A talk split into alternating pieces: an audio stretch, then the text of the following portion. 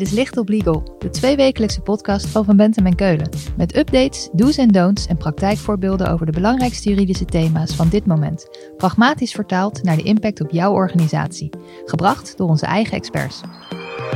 En de tweede belangrijke optie die de regering ons biedt, is dat aandeelhoudersvergaderingen gedeeltelijk of nu zelfs ook geheel virtueel kunnen eh, worden gehouden. Sinds de coronacrisis is één ding glashelder. Sociale contacten worden tot een minimum beperkt.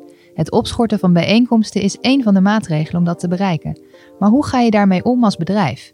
Want bij veel bestuursvergaderingen en zeker bij aandeelhoudersvergaderingen is fysieke aanwezigheid de norm. En er moeten toch besluiten genomen worden. De regering is daarom met een tijdelijke wet gekomen om hiervoor een oplossing te bieden.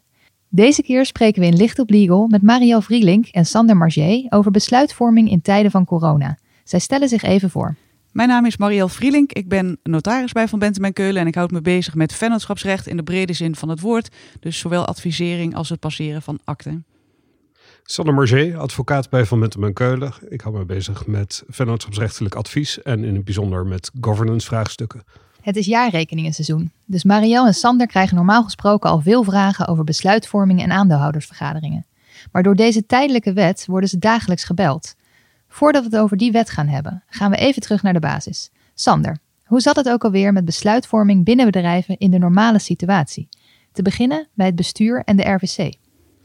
Ja, besturen en raden van commissarissen kunnen in- en buiten vergadering besluiten. Dat is in principe best informeel. Dat wil zeggen, er gelden geen of weinig wettelijke vereisten als het gaat om de totstandkoming van die besluiten. Um, soms zie je in statuten of reglementen wel eisen aan de besluitvorming van bestuur en raad van commissarissen.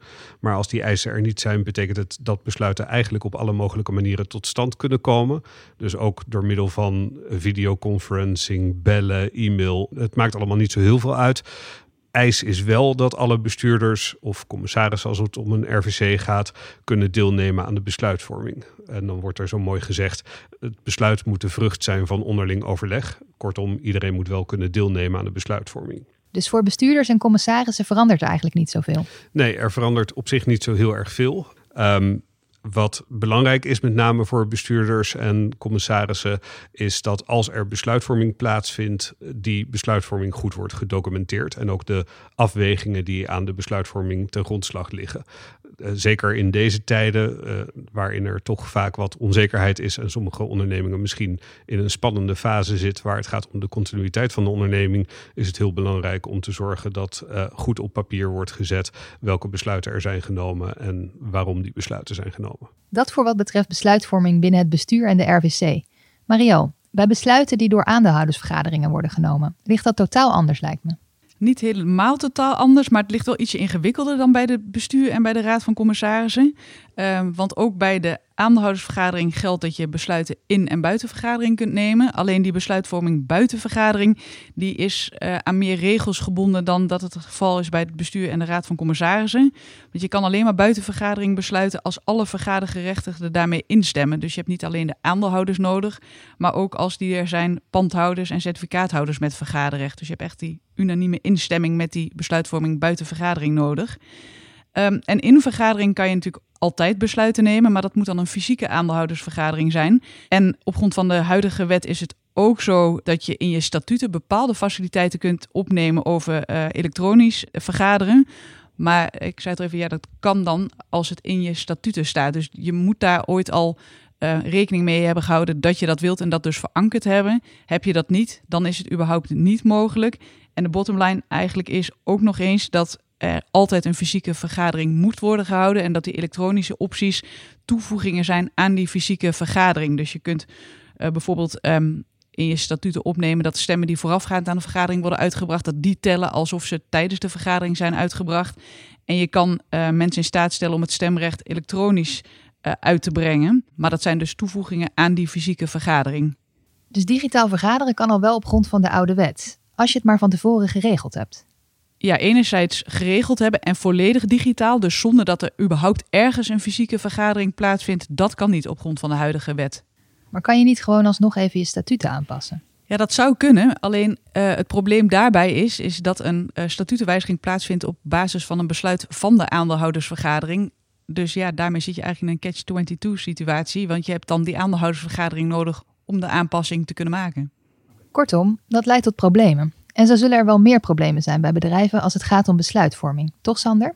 Ja, voor veel bedrijven is de uh, huidige coronacrisis best een lastige situatie. Uiteraard op heel veel terreinen, maar ook als het gaat om besluitvorming. Omdat veel ondernemingen die een normaal boekjaar hebben, dat op 31 december is geëindigd, in deze tijd van het jaar hun jaarrekening zouden willen vaststellen. En daarvoor is een aandeelhoudersvergadering nodig. En die aandeelhoudersvergadering organiseren is op dit moment een, uh, absoluut een uitdaging. Nog los van de jaarrekening hebben ook veel ondernemingen te maken met uh, benoemingstermijnen van bestuurders of commissarissen die uh, aflopen, waardoor er een besluit zou moeten komen om een nieuwe bestuurder te benoemen of een bestuurder uh, opnieuw eh, te benoemen. En ook dat soort besluiten uh, zijn nu lastiger voor elkaar te krijgen. En nu is er die nieuwe tijdelijke wet. Marielle, hoe helpt de regering bedrijven uit de brand? Eigenlijk helpt de regering um, de bedrijven op twee manieren, tenminste als het gaat over de besluitvorming. Uh, namelijk enerzijds worden de opties geboden om uh, bepaalde termijnen uit te stellen, namelijk het uh, de termijn voor het opmaken van de jaarrekening is vijf maanden. En die kan je uitstellen met vijf maanden. Normaal kan je ook zo'n uitstelbesluit nemen, maar moet de aandeelhoudersvergadering dat doen. En op grond van de tijdelijke wet mag het bestuur dat doen. Dus het is eenvoudiger geworden om dat uitstel te bewerkstelligen. Um, en de tweede belangrijke optie die de regering ons biedt, is dat uh, aandeelhoudersvergaderingen gedeeltelijk of nu zelfs ook geheel virtueel kunnen uh, worden gehouden. Ongeacht of je dat wel of niet in je statuten hebt. Uh, opgenomen al. Um, en ook vergaderingen die al bij, bijeengeroepen zouden zijn, mag je eventueel nog tot 48 uur voor de vergadering omzetten naar een digitale vergadering. We gaan zo even dieper in op het digitaal vergaderen. Maar ik wil eerst even wat vragen over het uitstellen van de jaarrekening. Sander, als ik dat dus gewoon vijf maanden kan opschuiven, dan zijn we toch van de grootste problemen af. Nou, voor veel ondernemingen zal het allicht een optie zijn om inderdaad de termijn voor het opstellen van je jaarrekening met vijf maanden op te schuiven. En dus kijken of het later in het jaar dan alsnog mogelijk is om de jaarrekening vast te stellen. Voor andere ondernemingen kan dat onwenselijk zijn omdat de jaarrekening al is opgemaakt en uh, er een behoefte is om die zo snel mogelijk vast te stellen. Of omdat bijvoorbeeld de vergadering waarin die jaarrekening zou worden vastgesteld al is bijeengeroepen en het wenselijk is om die doorgang te laten vinden. En dan biedt de tijdelijke wet dus allerlei mogelijkheden om die vergadering geheel of gedeeltelijk in digitale vorm te laten plaatsvinden. En dus alsnog je jaarrekening zo snel mogelijk vast te stellen. Dus het verlengen van de jaarrekeningtermijn kan een oplossing zijn, maar is geen oplossing voor andere belangrijke besluiten die genomen moeten worden. En met de nieuwe wet mag je dus een digitale aandeelhoudersvergadering houden. Marielle, hoe werkt dat? Um, er zijn een aantal eisen waaraan voldaan moet worden. En uh, een belangrijke, de aandeelhouders moeten de vergadering langs elektronische weg kunnen volgen. En uh, nou ja, wat is dat dan, dat langs elektronische weg volgen? Um, de wetgever geeft een aantal voorbeelden, maar ik denk dat de belangrijkste wel is dat je in ieder geval via audio moet kunnen luisteren. Dus of het nou via, via beeldbellen is, dan heb je ook gelijk het beeld erbij. Of via een telefonische inbelverbinding, dat is een eis. Um, en een belangrijk is dat aandeelhouders voorafgaande aan de vergadering schriftelijk of elektronisch vragen moeten kunnen stellen. En die vragen die moeten dan uh, door het bestuur uiterlijk in de vergadering worden beantwoord. En de antwoorden moeten worden gepubliceerd op de website of per e-mail worden verspreid. Je zegt dat je als aandeelhouder de vergadering moet kunnen volgen. Maar ik wil toch niet alleen volgen, ik wil toch actief kunnen deelnemen, anders is het toch geen echte vergadering? Ja, daar, um, die eis heeft de wetgever niet gesteld. Um, op grond van de huidige wet um, kon je in je statuten dus al mogelijk maken dat uh, vergaderingen gedeeltelijk digitaal plaatsvonden. En dan kon je in de statuten als aanvullende eis opnemen dat aandeelhouders moesten kunnen deelnemen aan de beraadslaging. maar deze eis die je vrijwillig had kunnen zetten in je statuten, die is niet in die wet voor de rest teruggekomen. Um, wat wel in de wet staat, is dat het bestuur zich ervoor moet inspannen dat tijdens de vergadering langs elektronische weg of anderszins vragen kunnen worden gesteld. Maar dat is dus uitdrukkelijk een inspanningsverplichting, die niet geldt als dat in redelijkheid niet kan worden gevergd. Daar heb ik toch een vraag over, want een inspanningsverplichting is totaal niet afdwingbaar. Sander, is dit niet een makkelijke escape voor bestuurders om onder kritische vragen van aandeelhouders uit te komen? Ja, ik denk dat dat niet zo makkelijk zal zijn. In heel veel gevallen heeft het bestuur wel degelijk de verplichting om ervoor te zorgen dat die vragen kunnen worden gesteld.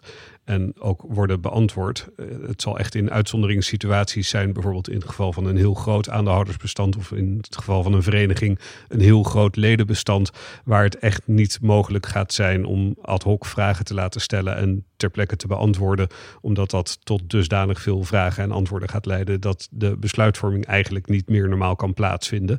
En ik denk dat dat ook ongeveer de norm is. Kijk, het bestuur zal in alle gevallen naar redelijkheid en billijkheid moeten handelen en die redelijkheid en billijkheid zullen in, zal in heel veel gevallen betekenen dat er wel degelijk ter vergadering vragen moeten kunnen worden gesteld. En het risico voor het bestuur om al te makkelijk zich aan die inspanningsplicht te onttrekken, is dat de besluitvorming achteraf gezien aantastbaar is of niet tot stand is gekomen. En dat is iets wat een bestuur natuurlijk ook absoluut niet wil. Mario, om in te haken op wat Sander zegt. Ik hoor jou net zeggen dat je als aandeelhouder vooraf je vragen schriftelijk mag stellen. Maar dan krijg je toch alleen nog maar volledig door juristen gescripte antwoorden. De echt belangrijke vragen stel je natuurlijk in de vergadering zelf. Ja, dat risico loop je wel ietsje meer in deze situatie. Hè? Omdat, dat, om, omdat je toch aan die inspanningsverplichting van het bestuur, uh, ja, daar zul je het van moeten hebben. Aan de andere kant eh, moet je realiseren dat ook bij een gewone vergadering vaak al voorafgaand vrij duidelijk is welke kritische vragen gesteld gaan worden. En dat er dan ook zeker een script vaak klaar ligt voor de bestuurders om bepaalde vragen te beantwoorden.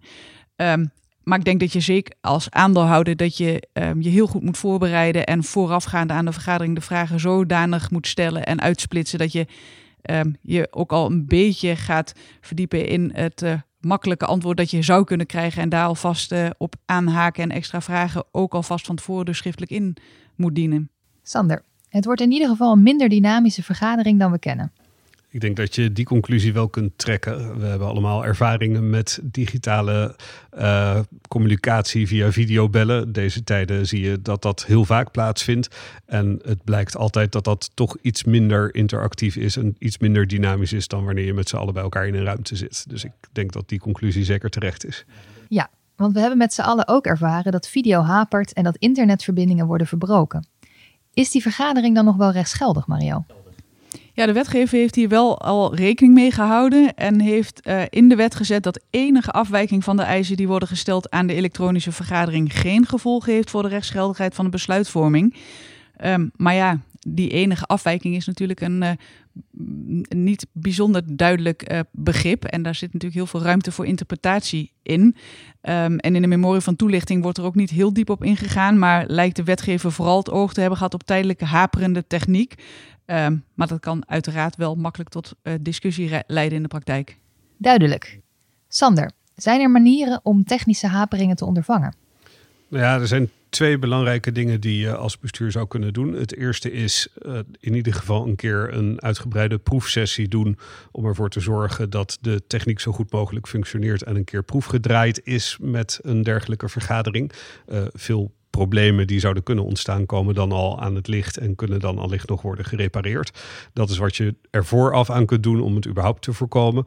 Mocht je toch in de situatie komen waarin er sprake is geweest van haperende techniek, waardoor iemand misschien niet de hele vergadering goed heeft kunnen volgen en daardoor twijfel je of die besluiten wel of niet helemaal door de beugel kunnen, dan is het advies: zorg ervoor dat de besluiten alsnog worden bevestigd of bekrachtigd in de eerstvolgende vergadering die op de goede manier uh, heeft plaatsgevonden. En Marielle, hoe weet ik bij digitale vergaderingen dat degene die meedoet is wie hij is? Ja, daar ligt een verantwoording voor het bestuur om ervoor te zorgen dat degene die je als aandeelhouder toelaat, dat je identificeert dat ze dat ook daadwerkelijk zijn. Uh, nou ja, we kennen allemaal de uh, de gebruikelijke kanalen waarmee we nu veel uh, communiceren. En als je een redelijk klein aandeelhoudersbestand hebt, kan je natuurlijk prima met uh, dingen als Zoom of Google Hangouts werken. En kan jij de mensen die je ziet um, ja, identificeren als je ze gewoon ook zou kennen. Uh, of desnoods laat je een legitimatiebewijs naast hun hoofd houden of uh, nou ja, op dat soort manieren. En er zijn ook applicaties, uh, heb ik inmiddels um, gezien in de praktijk, die bijvoorbeeld ervoor zorgen dat aandeelhouders een bepaalde link krijgen of code waarmee zij eenmalig kunnen inloggen en ook geïdentificeerd worden, want die stuur je gewoon naar degene toe die aandeelhouders zijn. Helder. Sander, in sommige gevallen moet er natuurlijk een minimum aantal mensen aanwezig zijn op een vergadering. Anders is de vergadering niet geldig. Hoe werkt dat dan in de digitale wereld? Ja, dat is niet 100% duidelijk. Met name als het gaat om de vraag: gelden stemmen die voorafgaand aan de vergadering zijn uitgebracht, um, ook als uh, personen, aandeelhouders die ter vergadering aanwezig waren bij het bepalen van het quorum. Dat is niet helemaal duidelijk. Dus ons advies zou zeker zijn: uh, zorg dat je aan de veilige kant zit. Uh, en bijvoorbeeld dat aandeelhouders worden geenthousiasmeerd om zoveel mogelijk gebruik te maken van volmachten, waardoor ze daadwerkelijk als uh, ter vergadering vertegenwoordigd hebben te gelden in alle gevallen. En je dus niet in een discussie kunt belanden over de vraag of het quorum wel of niet gehaald is. Better safe than sorry dus. Marielle, vanaf wanneer gaat deze wet in? Uh, de wet die gaat gelden met terugwerkende kracht uh, vanaf 16 maart. Dus uh, hij krijgt eigenlijk al gelding op het moment dat hij er niet was. Dus allerlei bedrijven die, ondanks het feit dat er nog niet wat te regelen was, destijds al bepaalde dingen toch digitaal hebben gedaan, die kunnen nu achteraf gaan kijken of het binnen de regels van de wet viel. En hij geldt tot 1 september, tenzij die bij koninklijk besluit verlengd gaat worden. Uh, en die optie is ingebouwd omdat we allemaal niet weten tot hoe lang de coronacrisis voortduurt. Dus um, vooralsnog 1 september, maar het kan dus langer duren. Om af te sluiten, wat moet de luisteraar absoluut onthouden over besluitvorming tijdens de coronacrisis? Sander, te beginnen bij het bestuur. Nou, het is belangrijk om na te denken over de besluitvorming die in de eerstkomende periode, en dan zou ik in eerste instantie denken aan de periode tot 1 september, uh, zou moeten plaatsvinden. Bedenk uh, of je dat, uh, die besluitvorming door wil laten gaan. En zo ja, bedenk dan of je dat gedeeltelijk elektronisch zou willen doen. En als je dat wil, denk dan ook goed na over het medium waar je gebruik van wil maken. En daar zitten juridische aspecten aan als het gaat om de besluitvorming en de kans dat dat uh, goed gaat. Maar ook privacy en veiligheidsaspecten. Dus bedenk welk medium je wil gaan gebruiken. En als je dat bepaald hebt, organiseer dan een gedegen proefsessie om te kijken of het allemaal werkt. Of je contact hebt met degene die zouden moeten deelnemen en of dat contact ook goed in stand blijft. Als je dat allemaal hebt bedacht, dan zou je ook eventueel proactief kunnen zijn door alvast uh, te wijzen op de mogelijkheid die er is om door middel van volmachten ook deel te nemen aan de vergadering. En zou je kunnen enthousiasmeren dat zoveel mogelijk aandeelhouders voorafgaand aan de vergadering al hun vragen stellen en hun stem uitbrengen om de kans op rechtsgeldige besluitvorming zoveel mogelijk te, te optimaliseren. En wat we eerder al zeiden, als het gaat om de jaarrekening, dan zou allicht verlenging van de termijn een beter alternatief kunnen zijn in bepaalde gevallen dan het nu organiseren van een uh, vergadering langs digitale weg. En Marielle, wat wil jij aandeelhouders meegeven? Ja, um, je bent in deze tijd niet helemaal zeker dat je vraag daadwerkelijk beantwoord gaat worden tijdens de vergadering. Of dat je überhaupt de kans krijgt om die vraag te stellen. Dus stel vragen die je hebt absoluut voorafgaande aan de vergadering. En denk ook goed na over eventuele vervolgvragen die je zou kunnen hebben op um, de antwoorden die dan gegeven worden. Zodat je zeker weet dat de informatie die je wilt hebben, dat die ook echt um, nou ja, boven water komt. En dat je dus gedegen je stem kunt uitbrengen.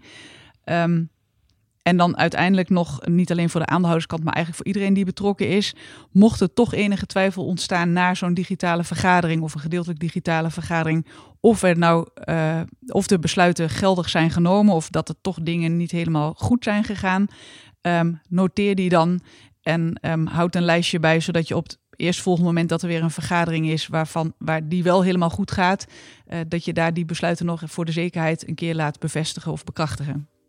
Marielle en Sander, dank jullie wel. Als ik meer wil weten over besluitvorming in deze tijden van corona, waar kan ik dan terecht?